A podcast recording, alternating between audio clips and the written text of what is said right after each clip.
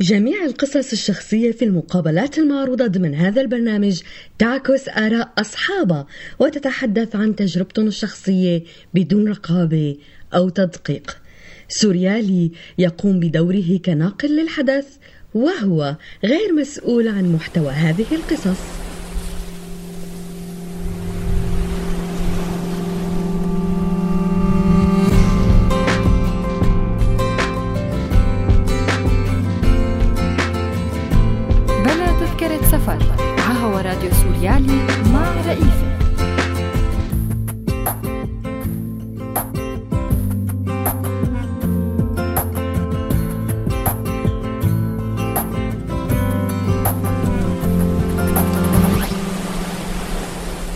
بحلقة اليوم من بلا تذكرة سفر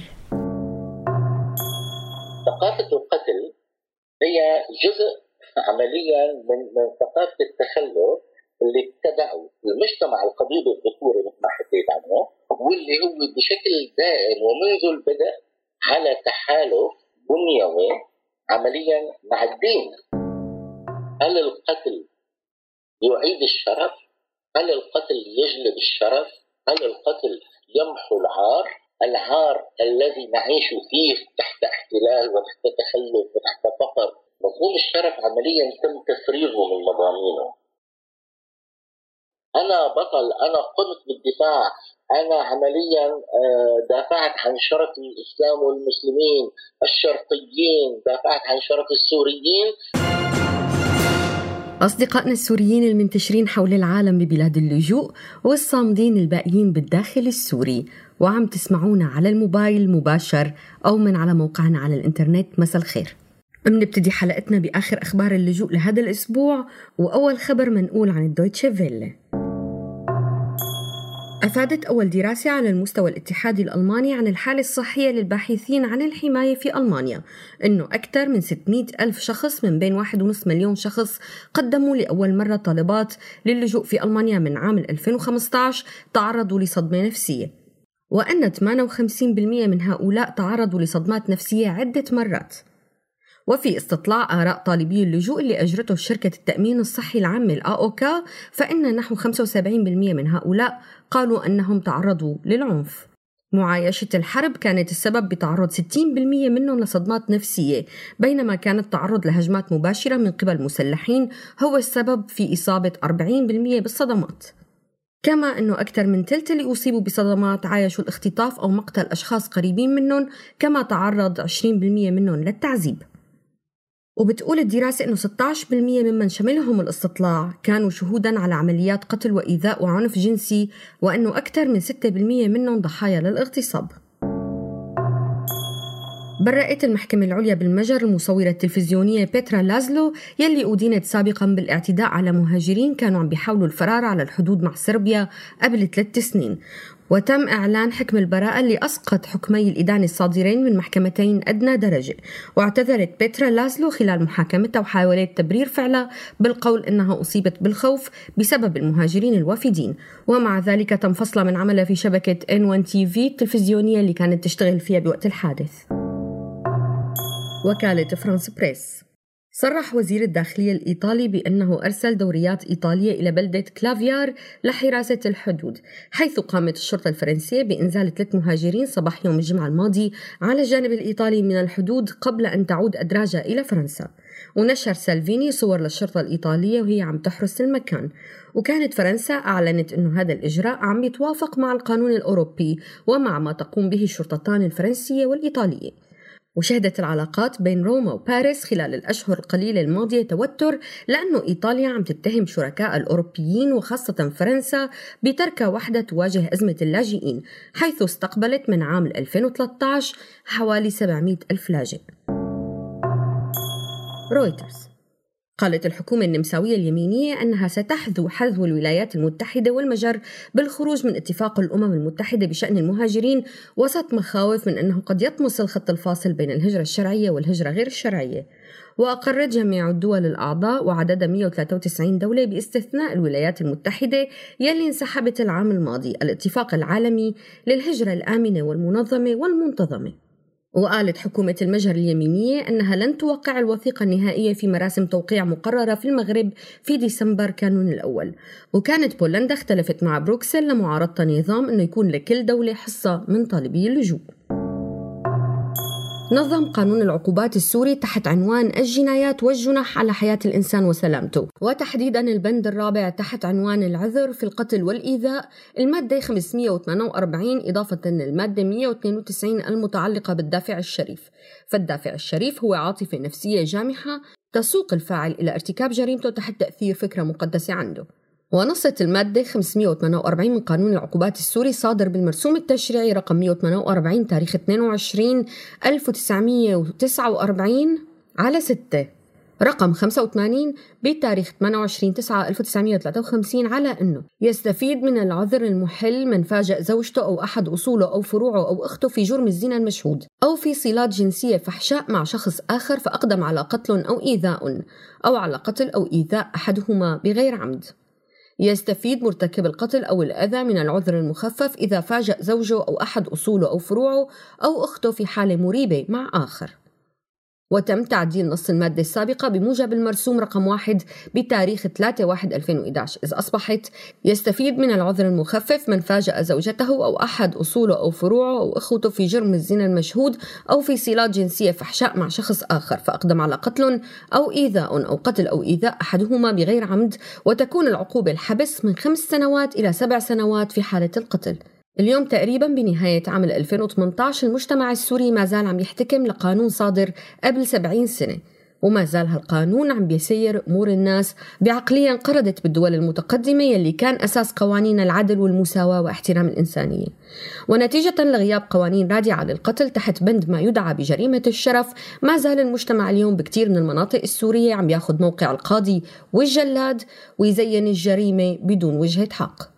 متابعة منا لهالموضوع اتصلنا بأخصائي الصحة النفسية والصحة الجنسية أستاذ بجامعة بولندا الدكتور بسام عويل لنعرف منه رأي علم النفس بهالجرائم ونشوف كيف فينا كمجتمعات وأفراد نتخلص منها. تعالوا نسمع لقاء سوا.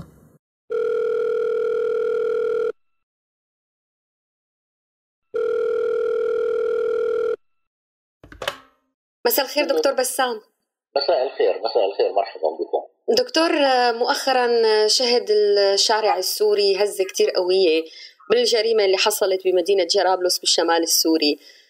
الجريمة صنفت تحت بند غسل عار أو جريمة شرف وكانت الناس انقسمت بين مؤيد وبين ساخط على هذا الجرم اللي صار. وفي ناس بررت وفي ناس اتخذت الدين عباءة. لتقول طريقة القتل ما كانت الطريقة الإسلامية الصح. خلينا نبتدي نحن كطبيب خبير بعلم النفس آه، نحكي بملابسات هي الجريمة. هلا خلينا إذا بتسمحي لي بالأول يعني نحط الأمور بنطاقها وبمفاهيمها ومثل ما بيقولوا بنقنن آه، المفاهيم اللي عم نحكي فيها.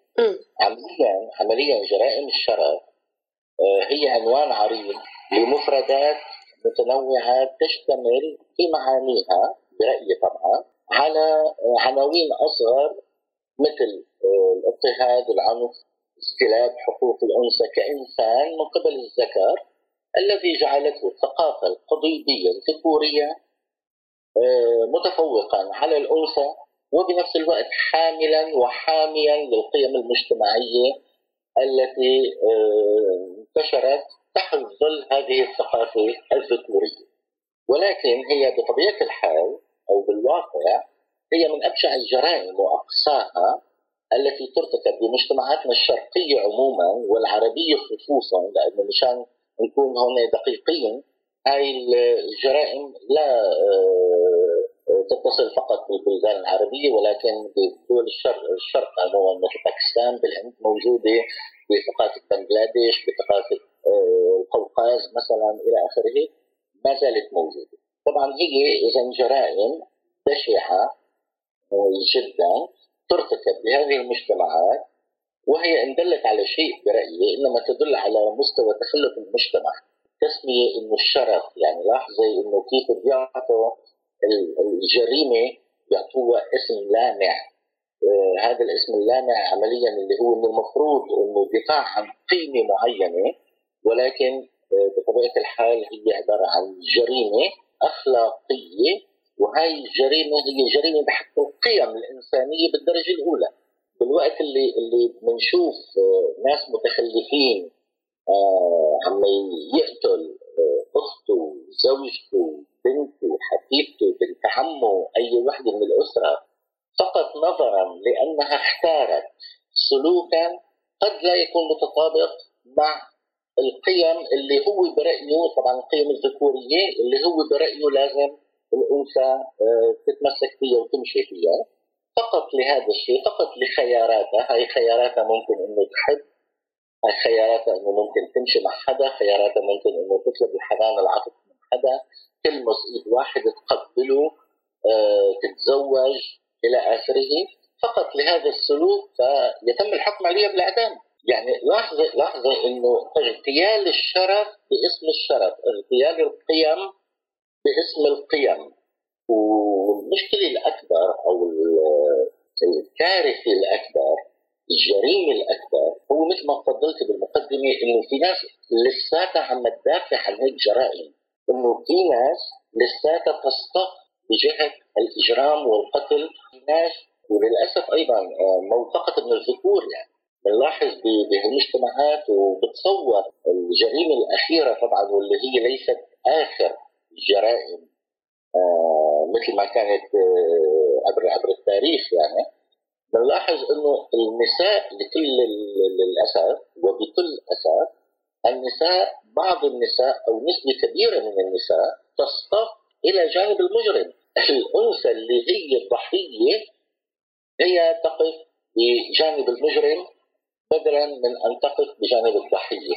وهذا كمان ثمرة لهذا المجتمع الذكوري هاي القيم المتخلفة الذكورية التي أسقطت عمليا أو اختزلت مفهوم الشرف يتمحور حول جسد الأنثى بكل بساطة يعني. جسد الأنثى أصبح هو المحور الذي آه، تدور حوله كل قيم هذا المجتمع هذا هذه الثقافة الشرقية المتخلفة آه، ويصبح هذا الجسد والدفاع عنه أو إدارة جسد الانثى يصبح هو الناظم الأخلاقي والقيمي لهذا المجتمع المتخلف، يعني الواقع نحن في القرن الواحد والعشرين نحن في في في في عصر من المفروض إنه نبحث فيه عن انسنه الإنسان، نبحث فيه عن رفع قيمة الإنسان. وخاصة نحن السوريون تحديدا بعد كل الاضطهاد اللي عشناه وعم نعيشه. وبنفس الوقت نتمثل هنا آه، بكل بساطة قيم القاتل قيم المجرم الذي يفرض علينا ما يريده ولا آه، يقبل بما نحن نريده عمليا الأمر نفسه.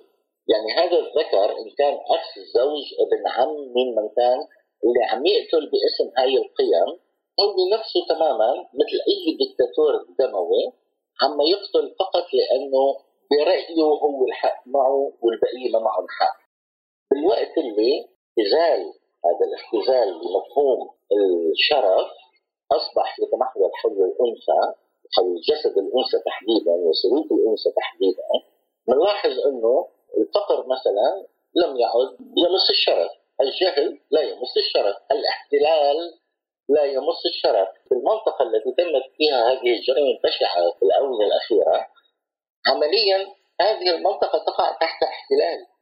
من لا يرى الاحتلال عارا ويرى في سلوك أنثى مهما كان هذا السلوك وهو خيار لها إذا يرى في آه، السلوك عار ولا يرى في الاحتلال عار يرى في السلوك عار ولا يرى في الفقر عار يرى في كل هالأمور عار ولا يرى آه، العار الحقيقي فإذا نحن عمليا آه، لازم نوقف وقفة صامدة قدام مفهوم الشرف قدام مفهوم الشرف قدام مفهوم الكرامة قدام مفهوم القيم قدام مفهوم الإنسان. اللي ألمني أكثر هو موقف الناس اللي مثل ما تفضلت دافعوا عن المجرم. عم يدافعوا بلواء الدين. يعني آه، إذا أنت جيت لتناقشهم رح يكفروك.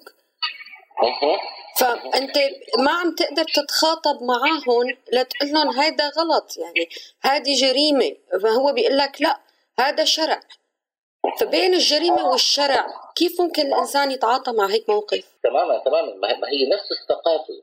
ثقافة القتل هي جزء عمليا من من ثقافة التخلف اللي ابتدعه المجتمع القبيل الذكوري مثل ما حكيت عنه واللي هو بشكل دائم ومنذ البدء على تحالف بنيوي عمليا مع الدين. فبالتالي ربط هيك جرائم بالعقائد الدينية شرعنتها من قبل رجال الدين البحث عن تحليلات إلى انه الدين يحللها يعني هو المحزن أكثر هو المحزن أكثر لأنه هون صرنا آه، أمام عمليا تناقض تناقض كثير أساسي بالوقت اللي بي بي هو الشخص نفسه اللي بيقول لك إنه أنا عم دافع عن الدين الذي حرر المرأة الذي أعطى للمرأة حقوقها أعطى للمرأة حريتها فأنت تقتل هذه المرأة أو تقتل هذه الأنثى بنفس أدوات هذا الدين.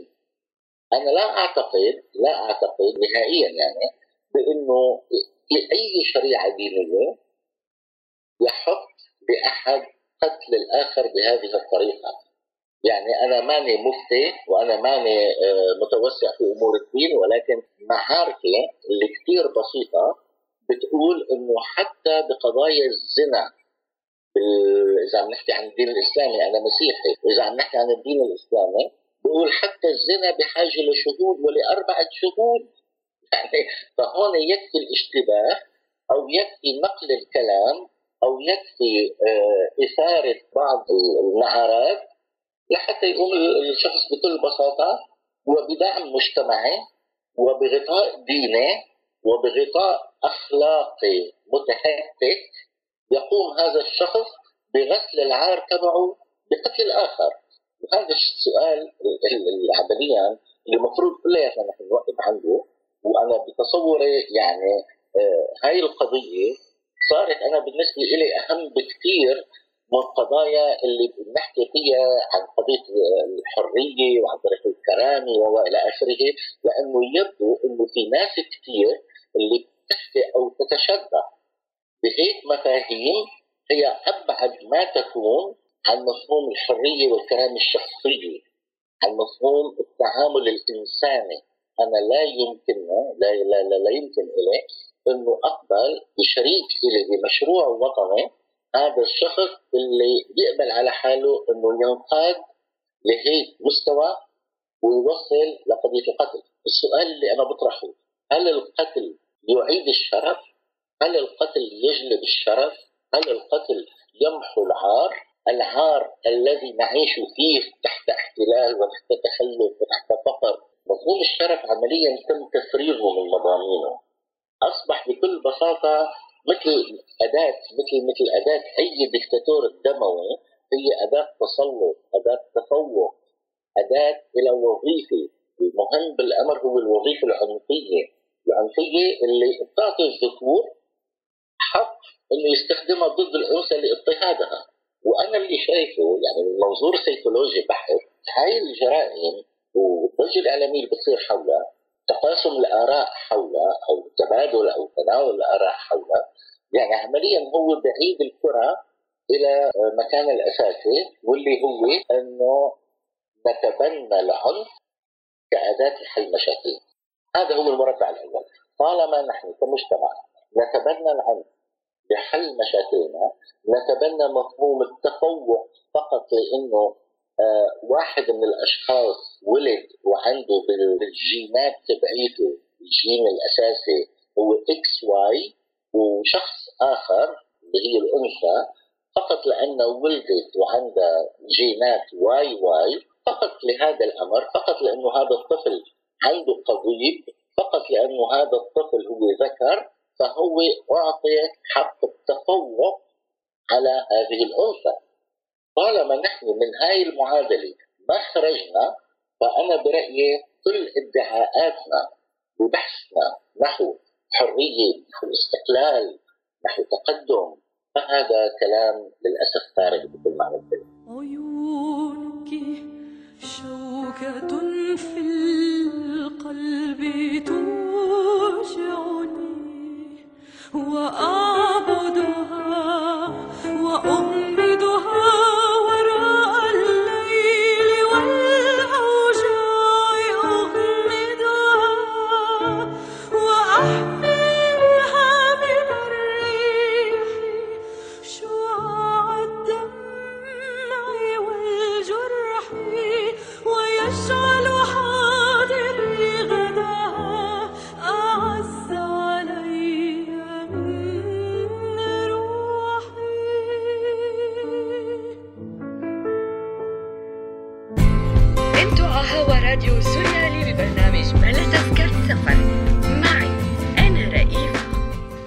متابعين معكم مستمعينا لقائنا مع الدكتور بسام عويل ورأي علم النفس بجرائم الشرف. آه، مؤخرا صارت تنتشر جرائم ما تدعى بجرائم شرف على وسائل التواصل الاجتماعي. بالسابق كانت تجرى بالخفاء أو إذا صارت بإحدى آه، المناطق فما ما حتوصل المشهد مصور بالفيديو وببث مباشر مثل اللي عم بيصير مؤخرا. كيف المجتمع ممكن يواجه هذا الشيء؟ كيف ممكن نحن نساعد هالناس هدول يتخلصوا من هالظاهرة. هلا نحن ما كنا نساعدهم يتخلصوا من هالظاهرة بشكل مباشر لأنه عمليا الاعلام والتواصل الاجتماعي كل القنوات الإعلامية أصبحت تستخدم كوظيفه يعني توظف لخدمة الجهل توظف لخدمة التخلف توظف لخدمة الفقر توظف لخدمة الاحتلال. يعني نفس الادوات التواصل يعني هي عم تمجد بالمحتل مثلا بكل بساطة. عم تمجده وعم تجعل منه حليف ضد أبناء جلدتنا وأبناء وطننا. فقضية أدوات التواصل الاجتماعي يعني هي فقط نوع من القناة قناة وظيفية لتثبيت هذا التخلف وبنفس الوقت لمحاصرة الآخرين. يعني لاحظوا الخبر إذا بيجي على التلفزيون الخبر إذا بيجي بالراديو طبعا آه، الناس ممكن يكون لها مواقف متعددة تجاهه ولكن نادرا ما حدا يبدي رأيه بالخبر اللي بيجي من الراديو أو بيسمعه في التلفزيون. ولكن بوسائل آه، التواصل الاجتماعي اللي أنا من زمان قلتها إنه اظهرت لنا مدى التخلف اللي اللي, اللي عايشين فيه وش قد في عندنا مشاكل عفنه موجوده داخلنا وحولنا وحوالينا ونحن ما كنا منتبهين لها آه، هدول الأشخاص اللي عم يبين كيف هو عم يقوم بالجريمة هو عم يبحث عن لايكات. يعني هو عم يبحث عن نجومية. يمجد له عن مين يمجد له هالكلام هذا. لأنه هو عم يحاصر الآخرين عم يحاصر الآخرين وعم يعمل نفسه بطل. أنا بطل أنا قمت بالدفاع. أنا عمليا آه، دافعت عن شرف الإسلام والمسلمين الشرقيين دافعت عن شرف السوريين بأني قتلت مثلا آه، طفلي أو قتلت نفسيا واجتماعيا كيف الأخ آه، أو الأب هي البنت الأخت الأم الزوجة اللي كانت إيد حنونة اللي كانت تطعميه تطبخ له تغطيه تلبسه تجيب له الأكل تعتني فيه إذا كان مريض تطببه. كيف عنده أسود هالقلب ليمسك السلاح ويعدمها بلحظة؟ لا هي هي هي القضية القضية محسومة بالنسبة له يعني هي اللي عم تقدم له كل هذا الشيء اللي تفضلت فيه أو يعتبره هو على قناعة فيه إنه هي من واجبها تقدم ومن واجبها إنها تخضع له. عمليا أثناء التربية في البيوت وحتى وحتى في في معظم البيوت ما بدي أعمم يعني ولكن في معظم البيوت بنشوف إنه تربية الذكر والأنثى يعني التربية تختلف بمقاييسها يعني. والأنثى حتى لو كانت الكبيرة بالبيت بمجرد إنه آه، يولد مثل ما بيقولوا بالعامية فصعون ذكر فمباشرة هذا الفصعون الذكر صار له بالضرورة بطبيعة الحال صار له التفوق عليها والمجتمع بيعطيه هذا الحق. يعني أنا برجع بقول لك قبل ما نتهم الذكور اللي هن عمليا أيضا ضحايا. يعني أنا اللي بشوفه هون من وجهة نظر نفسية إنه نحن قدام ضحايا تغتال ضحايا. هو نفسه هذا ضحية الفقر والجهل والتخلف والى آخره. هو ضحية وهو ضحية القمع وهو ضحية الاستبداد ولكن يفرغ عمليا آه، مآسيه كلياتها بإنه يعتدي على على الأضعف منه. فهي هون حلقة الضعف أو مسلسل الضعف. فهو عمليا نحن بنشوفه من الخارج إنه أخت إنه زوجي أم إلى آخره ونحن بنعطيها مكانة كثير كبيرة ولكن بنفس الوقت هذا الذكر وكأنه هو محصن محصن وبنفس الوقت هو يمتلك القدرة ويمتلك الحق بأي لحظة إنه يقوم بالوظيفة تبعيته لمعاقبتك هون المشكلة. المشكلة إنه هذا التفوق التفوق اللي اللي اللي رعاه بكل الأديان على فكرة. وجرائم الشرف كمان مشان نكون واضحين. ليست فقط متصلة بالمسلمين أو الدين الإسلامي، جرائم الشرف أيضا تتم في أوساط المسيحيين والدروز وإلى آخره. يعني صحيح شفنا شفنا من من تقريبا فترة شهر كمان الأب اللي قتل بنته بمنطقة السويدة بس لأنه متأخر عن المدرسة، كمان نعم تحت نعم. مسمى جريمة شرف. نعم نعم. المستوى نفسه يعني على المستوى الأفقي بنحط نحن كل الشرائح آه، على نفس المستوى. بغض النظر عن انتماء الديني أو انتماء المذهبي أو حتى الطائفي أو إلى آخره لأنه بالمحصله عزيزتي بالمحصله هو نفس التحالف تحالف المجتمع الذكوري مع السلطة الدينية. السلطة الدينية زائد المجتمع الذكوري بيشكلوا حلف وهذا الحلف مثل ما أشرت له هو حلف بنيوي قائم بالدرجة الأولى على استهداف الأضعف. هلأ الأضعف ممكن يكون الذكر بالتالي الذكور أيضا يمارسوا العنف باتجاه بعضهم. ولكن الأضعف بكل هالحلقه هاي هي الأنثى اللي كل عمليا إن كان بالثقافة الذكورية وإن كان بالثقافة الدينية هن عمليا ضدها وهن بيعطوا لنفسهم الحق إنه هن اللي يتحكموا بجسدها بمنظرها بسلوكها بطريقة تفكيرها باخواءها بحبها بزواجها بطريقة ممارستها للجنس لما بتكون مثلا حتى متزوجة متزوجة وإلى آخره ولكن هن بيفرضوا عليها إنه كيف لازم تمارس الجنس وفق المنطق مثلا الذكوري أو وفق المنطق الديني أو أو إلى آخره، يعني هون هون نحن قدام قدام عملية استباحة استباحة كاملة موجهة نحو الأنثى، هاي هي المعضلة الأساسية اللي نحن قدامها. دكتور المجتمعات الغربية عندهم كانت بفترة من الفترات نفس أنواع الجرائم لكن قدروا يتخطوها. كيف. كيف ممكن نتخطاها نحن كمجتمعات عم بيسود الجهل والحرب أثرت كثير وتركت؟ فعلا في أجيال جيلين هلأ طلعوا آه، ما حصلوا آه، علم ولا تربية آه، منزلية سليمة لتنشئن على فكرة التسامح والمحبة. يعني هي هاي قضية التربية المنزلية السليمة أنا هون بحب دائما أحط إشارات استفهام عليها.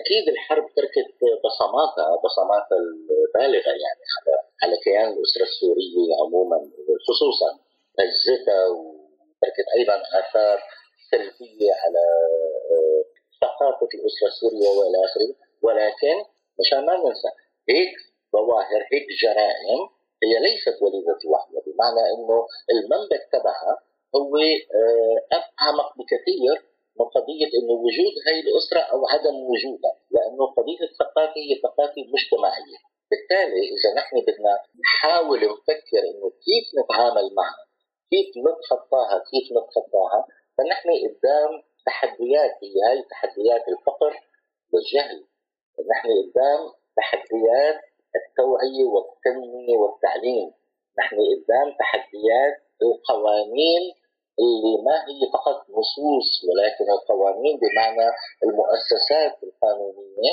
اللي فعلا المدعي العام أو المحامي بيكون آه، يتمثل القيم الإنسانية اللي وقتها ممكن يدافع عنها. يعني بنحاول نذكر حالنا هلأ. 2009 لما محاكم دمشق بعد حادثه حصلت إنه القاضي طبعا حادثه بحق أيضا جريمة بين قوسين جريمة شرف جريمة لا شرف إنه القاضي اثناءها حكم بالبراءة بحق أخ فتاة المقدورة اللي كان عمره وقتها 16 سنة. عم نحكي بال 2009 وعم نحكي إنه قاضي وعم نحكي بدمشق. بمعنى إنه حكم بشبه البراءة هذا القاضي هو حط حاله مدافع عمليا عن أي قيم عن القيم القانونية عن القيم الإنسانية وعن القيم المجتمعية الذكورية والقيم الدينية المتخلفة. فنحن لما بنقول نحن قدام تحديات تحديات القوانين مؤسسات القانون التعليم ومؤسسات التعليم لأنه كمان ما فقط التعليم هو المادي ولكن نفسه إنه هذا المربي أو المعلم اللي المفروض إنه هو يعكس القيم اللي عم يعلمها للناس. قدام تحديات التنمية واللي بقصده هون أيضا مؤسسات التنمية ان كانت نسويه وان كانت ذكوريه ان كانت مجتمع مدني وان كانت مجتمع آه، وسطي أو أو حكومي أو لا حكومي إلى آخره. بمعنى إنه أشخاص أنا عم أحكي عن مؤسسات ولا ولا أتكلم هون عن عن نصوص. التوعية ما هي صفحة. التنميه ما هي مشروع التعليم ما هو كتاب القوانين ما هي نصوص التوعيه هم أشخاص التنمية هم أشخاص التعليم هم أشخاص القوانين هم أشخاص. إذا ما قدرنا عمليا نبني حلف من الناس اللي مفروض إنه حاطين مشروع قدامهم اسمه التوعية والتنمية والتعليم وسياده القانون وإلى آخره وإلى آخره، هذول الناس إذا ما عملوا حلف يواجه بكل معنى الكلمة والمواجهه هون برأيي رح تكون شرسة جدا آه، يواجه هذا الحلف الآخر اللي هو حلف المجتمع الذكوري الديني إذا ما قدرنا عمليا نتوصل لمواجهة هذا الحلف المتخلف بايادينا نحن اللي المفروض أنه متعلمين وتنمويين وحضاريين ووطنيين وإلى آخره وإلى آخره فنحن عمليا بنكون مثل ما بيقولوا المصاري عم ننفخ بأرض مقطوعة. وكأنه فقط نحن بنكون عم نجلد نفسنا وإنه ما بإمكاننا نمرر هيك حادثة بدون ما نحكي فيها ولكن دائما آه، الحادثة بتتسكر والضحية عمليا للأسف بتروح عليها والمجرم اللي هو أيضا ضحية على فكرة. هو أيضا ضحية. يكسب بعض اللايكات يكسب بعض التصديق يمكن رفقاته يعملوا له سهرة يمكن أهله يفتخروا فيه إلى آخره. ولكن هذا الشخص نفسه أنا لما كنت بسوريا عالجت شخصين من اللي قاموا بمحاولات شبيهة ولكن لحسن الحظ إنه هن ما نجحوا فيها ما نجحوا بتنفيذ القتل يعني ولكن هن تحولوا لمعوقين لناس عمليا طاردتهم الكوابيس والأحلام لأنه هن بالنهاية في عنا في عندهم بنية إنسانية مهما نيمناها فرح تتم بالنسبة لهم تشكل مشكلة. فهاي هدول الضحايا نحن أيضا بحاجة لأن نساعدهم. ما يستمروا بالإجرام أو نساعدهم إنهم يقدروا يحصلوا نوع آخر من التفكير لحل المشكلات، نوع آخر من التفكير لحل النزاعات، نوع آخر من التفكير لحل التضادات المتناقضات حتى تلك المتناقضات التي آه، تتناقض ما بين مثلا الرؤية العامة وقوانين المجتمع، واذا قوانين المجتمع متخلفة أنا بدي تم إركن إلى طالما أنا بدي تم إركن إلى فعمليا أنا عم اشجعها. فبالتالي أنا ما عندي بديل هون، ما عندي بديل غير إنه فعلا كل شخص وخاصة سوري وخاصة يحمل مشروع وطني وخاصة يتكلم بالتوعية والتنمية والتعليم والحرية والكرامة والديمقراطية و و و إلى آخره إذا ما رفع صوته وما تحالف مع شريك له من نفس المستوى فعمليا كلياتنا رح نكون خسرانين. أنا بدي أتشكرك كثير دكتور على الوقت اللي منحتنا إياه على الكلام الكثير مهم آه، اللي دائما نحن بنرجع لنصيحتك واستشارتك آه، في شيء بتحب بالنهاية تضيفه؟ أنا شكرا طبعا لكم وشكرا دائما على الثقة اللي بتقولوا لي إياها أنا هون لست بمكان ناصح يعني ولكن أنا آه، من من من واجبي أنا من واجبي كشخص يحمل مشروع وطني، مشروع وطني أجل سوريا، سوريا الأفضل، أنا من واجبي إنه آه، حدد موقفي وأقول الشيء اللي أنا برأيي هو الصح. الكلمة الأخيرة اللي حابب أقولها إنه أرجو من كل وسائل الإعلام اللي أثارت هاي المشكلة أثارت الجريمة حاول تغطي هالجريمة هاي ما تنام عليها. وتنتظر إمتى رح تصير الجريمة اللي بعدها. بمعنى نحن بحاجة لحملة بكل معنى الكلمة حملة إعلامية ليست بالمناسبة بمناسبة حصول مثلا الجريمة وليست فقط بمناسبة آه، يوم التنين اللي كان هو امبارح اللي كان عمليا هو اليوم العالمي للتضامن مع ضحايا جرائم الشرف.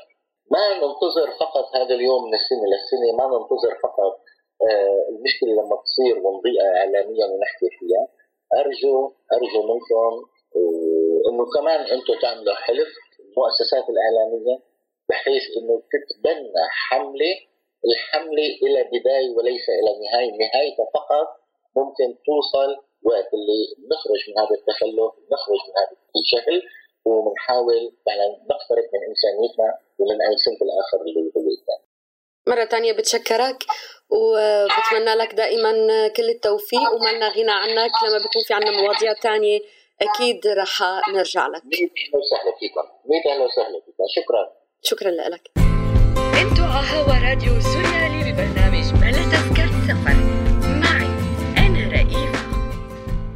خلصت حلقتنا لهذا الأسبوع. بتمنى تكون الأخبار مفيدة والمعلومات مهمة.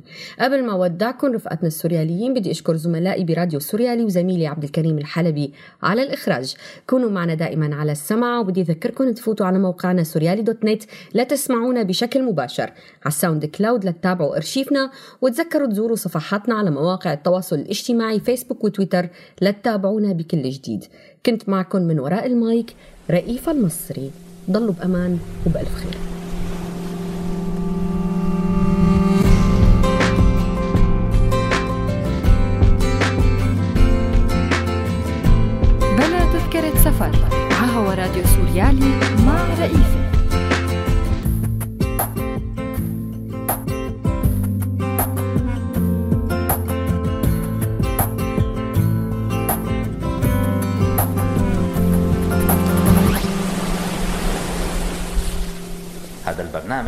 13 سوريالي 2018